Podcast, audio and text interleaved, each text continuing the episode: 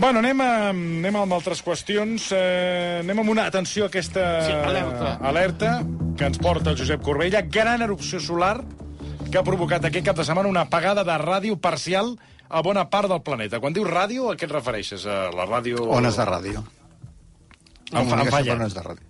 Però aquí a Catalunya consta això? o- No, aquí no ha passat. Aquí Ha passat a l'oest dels Estats Units, Ui. ha passat a zones del Pacífic i va passar la nit de diumenge a dilluns. Ui, És és molt lluny, això és igual. És... Bueno, és molt lluny, no? Però això va passar. Eh, bueno, primera qüestió. Com, com es produeix aquesta, aquesta tempesta que, anomenada geomagnètica? Tempesta geomagnètica. Mira, el que està passant en aquest moment és que el Sol està esbarat. ui. Està en un moment d'alta activitat. Ui. I quan això passa, eh, emet flamarades de partícules eh, altament energètiques en qualsevol direcció. Però per què? I si es dona la Per, casualitat... què, per què estàs barat? Està esbarat perquè el Sol té, com les persones, un cicle Mm. d'activitat i inactivitat. Té, més que dies, té anys. I cada 11 anys, Cada aproximadament, li passa una cosa que a la Terra no passa, que és que canvia la polaritat Mm. magnètica. El que és el pol nord magnètic es converteix en pol sud i el pol sud es converteix en pol nord. Mm. Quan això passa, coincideix en un moment en què hi ha més taques solars de l'habitual. La taca solar es diu així perquè els astrònoms que miren el Sol amb telescopi veuen que hi ha com, té com punts foscos. Mm. Aquestes taques solars són zones semblen molt petites al telescopi, però amb una taca solar hi cabrien desenes de terres. Són, són enormes. Són zones eh, on el magnetisme està alterat. Aquest canvi de polaritat magnètica de pol nord-pol sud, diguem que el, el Sol té el- l'estómac regirat. I llavors hi ha uns canvis en el magnetisme. I per, per aquestes... Eh, amb aquests eh, canvis de magnetisme a la superfície del Sol s'emeten eh, partícules eh, amb càrrega electromagnètica extremadament energètiques. Això, pluja d'imants de, són- de nevera? O això de la... Són- Escolti, va, home, estiguem... Són més petites i poden fer més mal. Aleshores, si la Terra està en la trajectòria, té la mala sort d'estar a la trajectòria d'una d'aquestes eh, flamarades, doncs pot tenir un efecte positiu, que és que és una època molt bona per les aurores boreals, per tant, si aneu de vacances aquest any a Islàndia, Groenlàndia, Lapònia, és un bon any per anar-hi, No però té efectes eh, potencialment molt més greus. I és que eh, altera el comportament electromagnètic de, la, de les capes més altes. De, la Terra, d'imaginar l'atmosfera, que hi ha al voltant de la Terra, com una ceba. Llavors hi ha eh, les capes baixes de la troposfera, sobre hi ha la ionosfera, Sí. que és, arriba fins a uns 1.000 quilòmetres d'altitud, a sobre hi ha la magnetosfera, que és com un escut magnètic que ens protegeix, els que estem a la superfície, d'aquesta radiació solar tan, tan agressiva, Como, però... la, como la tireta aquella del coche de la electricidad estática. Que Sí, llevamos s'ha a ver. perdut, això? Com, com és que s'ha perdut la tira de l'electricitat Sí, estàtica? Vamos, yo te protegéis molt, eh? Que a més, quan el cotxe anava en marxa, sempre anava volant i no tocava a terra la tira. Però, en fi, a, aquesta... Bueno, però que t'estic fent una pregunta important, home. Si, si esteu parlant entre vosaltres, no m'estàs fent preguntes. No, però que què se n'ha fet de... Bueno, això és, què, és, què és el que ha dit el que ell? s'estava intentant explicar la era tira del cotxe. que com que avui dia tenim un, moltes més tecnologies electromagnètiques sensibles que les que tenien els Clar. nostres besavis o els nostres avantpassats, som més vulnerables als efectes d'aquestes tempestes geomagnètiques. Vols dir, Napoleón no ho notava. No, però hi ha un bueno, precedent Però... Sí, digues, digues. A l'any eh, 1859, quan començava el telègraf, que hi va haver una tempesta geomagnètica Sí. i que va de deixar sense telègraf a gran part dels Estats Units i d'Europa. I n'hi ha un altre, el Quebec, l'any 1989, no fa tant d'això, el Quebec es va trobar durant unes hores sense electricitat perquè va caure la xarxa elèctrica. Fixa't. Aquestes flamarades poden cremar un, uh, arribar a cremar un tio d'aquells. Saps aquells que de sempre demanava foc allà? Té fuego, té fuego, té fuego. Bueno, a veure, va. va anem amb una... Hi ha, hi ha una sèrie que no sé si te l'han comentat, que es diu uh, Apagón, de Movistar. Mm. Sí, no, eh, M'ha comentat avui la Xènia. Bueno, és que la, bueno, perquè ho vam tractar, aquest, aquest, mm. aquesta qüestió. I és que a partir de- d'això que tractes tu, d'aquestes flamarades, d'aquesta... en fi, d'aquestes explosions del sol, pot arribar a passar, segons aquesta sèrie, una gran apagada Tot, tot, tot, tot, tot. que ho pot apagar tot. Peta tot. El peor escenario es apagón total y efecto en cascada, ¿es correcto? Así es. Llevo todo el día escuchándolo, pero no sé lo que es porque no estamos en lo concreto. Podemos ir a lo concreto. Incremento de accidentalidad aérea y terrestre, desencadenamiento de incendios de tipo eléctrico que comprometerían una evacuación ordenada de las ciudades, fallo general del suministro eléctrico industrial, urbano, en domicilios, fallos en ascensores, en montacargas, imposibilidad de suministrar combustible por fallos en las bombas eléctricas, caída de redes de telefonía y radio, desaparición de información bancaria y financiera, inundaciones por el cese de la explotación industrial masiva.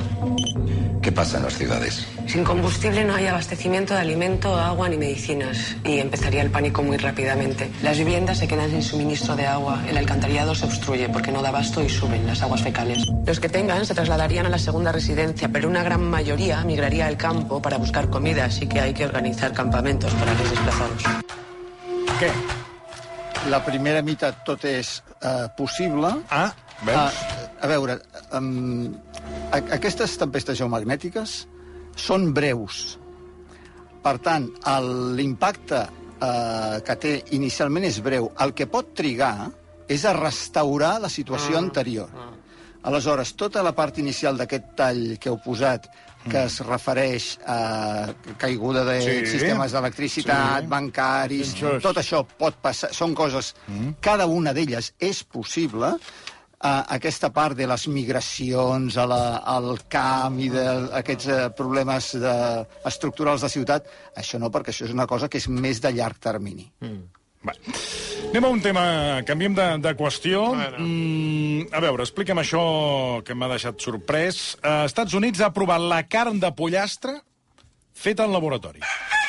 El Departament d'Agricultura ha donat llum verda a Offside Foods i Good Meat per comercialitzar carn feta uh, al laboratori. Magic. Això no és ni, va- ni carn vegetal ni No, no, res. no, no, és... no, no. Es carne descarnificado. Porque es carne... No, no, no, es carne no animal. Es carne animal no, ni, no, no sacrificat. No, no, és que no és carn, és que... Es carne no carne. A veure, què Textura és? de carn. Això el què és? Ferran ho ha No. entès perfectament. Es carne, tú lo tocas y las células son de carne, pero no mata a cap animal porque no está en part cap animal. Son células sueltas que se multiplican No entenc. en laboratorio. Aviam, si tu poses un galliner al laboratori Bo, i mates les gallines, són gallines del laboratori, però són gallines normals i correctes. No, és que, exacte, no, és que no, no, és ben, bé, és que no és ben bé això. Explica'm-ho, això. És ben bé, com diu el Ferran. bueno, A, a veure, el, aquesta línia de recerca ahora, parteix de l'observació que els, les persones necessitem proteïnes Sí. per alimentar-nos, són moltes persones, i la manera que tenim d'obtenir aquestes proteïnes actualment és molt ineficient, perquè el que tenim bàsicament és fàbriques vives que les fem, cre les criem, les fem créixer, les alimentem perquè produeixin No, la carn no. i després les matem i ens mengem la carn. Sí, esclar. I això té dos problemes. Un és pel benestar animal, perquè és una forma de maltractament animal, i l'altre és que mediambientalment és molt poc sostenible perquè requereix una enorme quantitat de recursos, sigui en forma d'aigua, sigui en forma d'aliment, és emissions contaminants, i la idea és per què en lloc de fer aquestes fàbriques vives anomenades vaca, pollastre, porc, sí. vale, per què no ho fem en laboratori a partir de cèl·lules i obtenim també el, un aliment amb les mateixes qualitats nutritives però sense haver de criar i matar. Aleshores, com... Aleshores, com... això, això, ara és, això fa 50 anys era inviable, però amb la tecnologia de les cèl·lules mare actual això comença a ser possible. I el, i el que s'ha aprovat als Estats Units és la primera vegada que aquestes empreses poden, eh, s'autoritza que eh, comercialitzin aquest tipus de carn. Però què et fan, una petxuga? vols dir? Aleshores, es poden fer diverses coses. Per fer uh, una co- cosa equivalent al pit de pollastre, Sí. el que cal és uh, crear les cèl·lules musculars, donar-los la forma de pit de pollastre amb un motllo, amb un equivalent d'un motllo, sí, sí posar-hi els eh, ingredients addicionals en termes de, que puguin ser doncs, eh, minerals, mm. aminoàcids, mm. eh, la quantitat de greix que li faci falta, perquè, per exemple, un pit de pollastre no té la mateixa quantitat de greix que, un, que una pota, per exemple. Mirar ah, si s'hi ha de posar algun tipus de teixit conjuntiu, en fi, tot això perquè acabi sent equivalent a un pit de pollastre. Havia- I és com... Ma, poden fer i una, una cèl- gallina... Pot callar, que no ha acabat? I són cèl·lules de pollastre, com deia el Ferran, sense passar pel pollastre. ahora, Digui. Po- Poden fer una gallina d'ous d'or? Perquè, clar, això seria... Saps què vull dir? No m'ha fet cap gràcia. Saps? El, el, el És que no fa gràcia, no de laboratori... insisteixi. No insisteixi.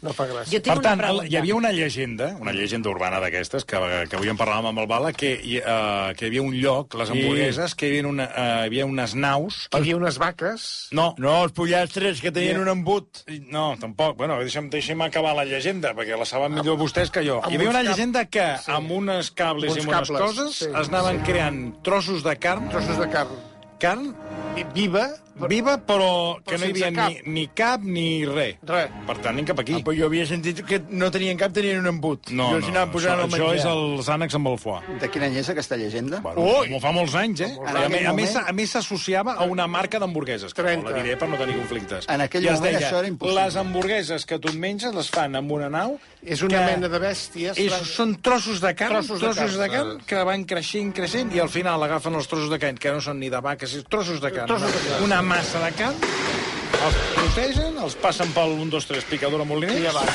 i te la serveixen. I avall. No, dic, que, dic que era una llegenda. Però, ara amb el que, però amb el que ens ja expliques, és realitat. hi ha realitat. Però amb la eh, recerca, amb la tecnologia de cèl·lules mare que s'ha desenvolupat els últims 15 anys, Després on això anem? ara comença a ser possible. Però Aquí, aquí. tu ho has dit amb una connotació negativa.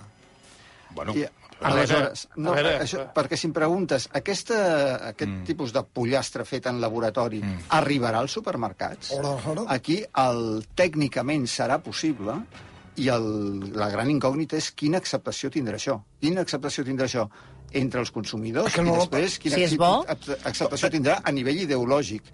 El, Les gallines aplaudiran, això està segur. no, les, les gallines ja no, ja no hi seran.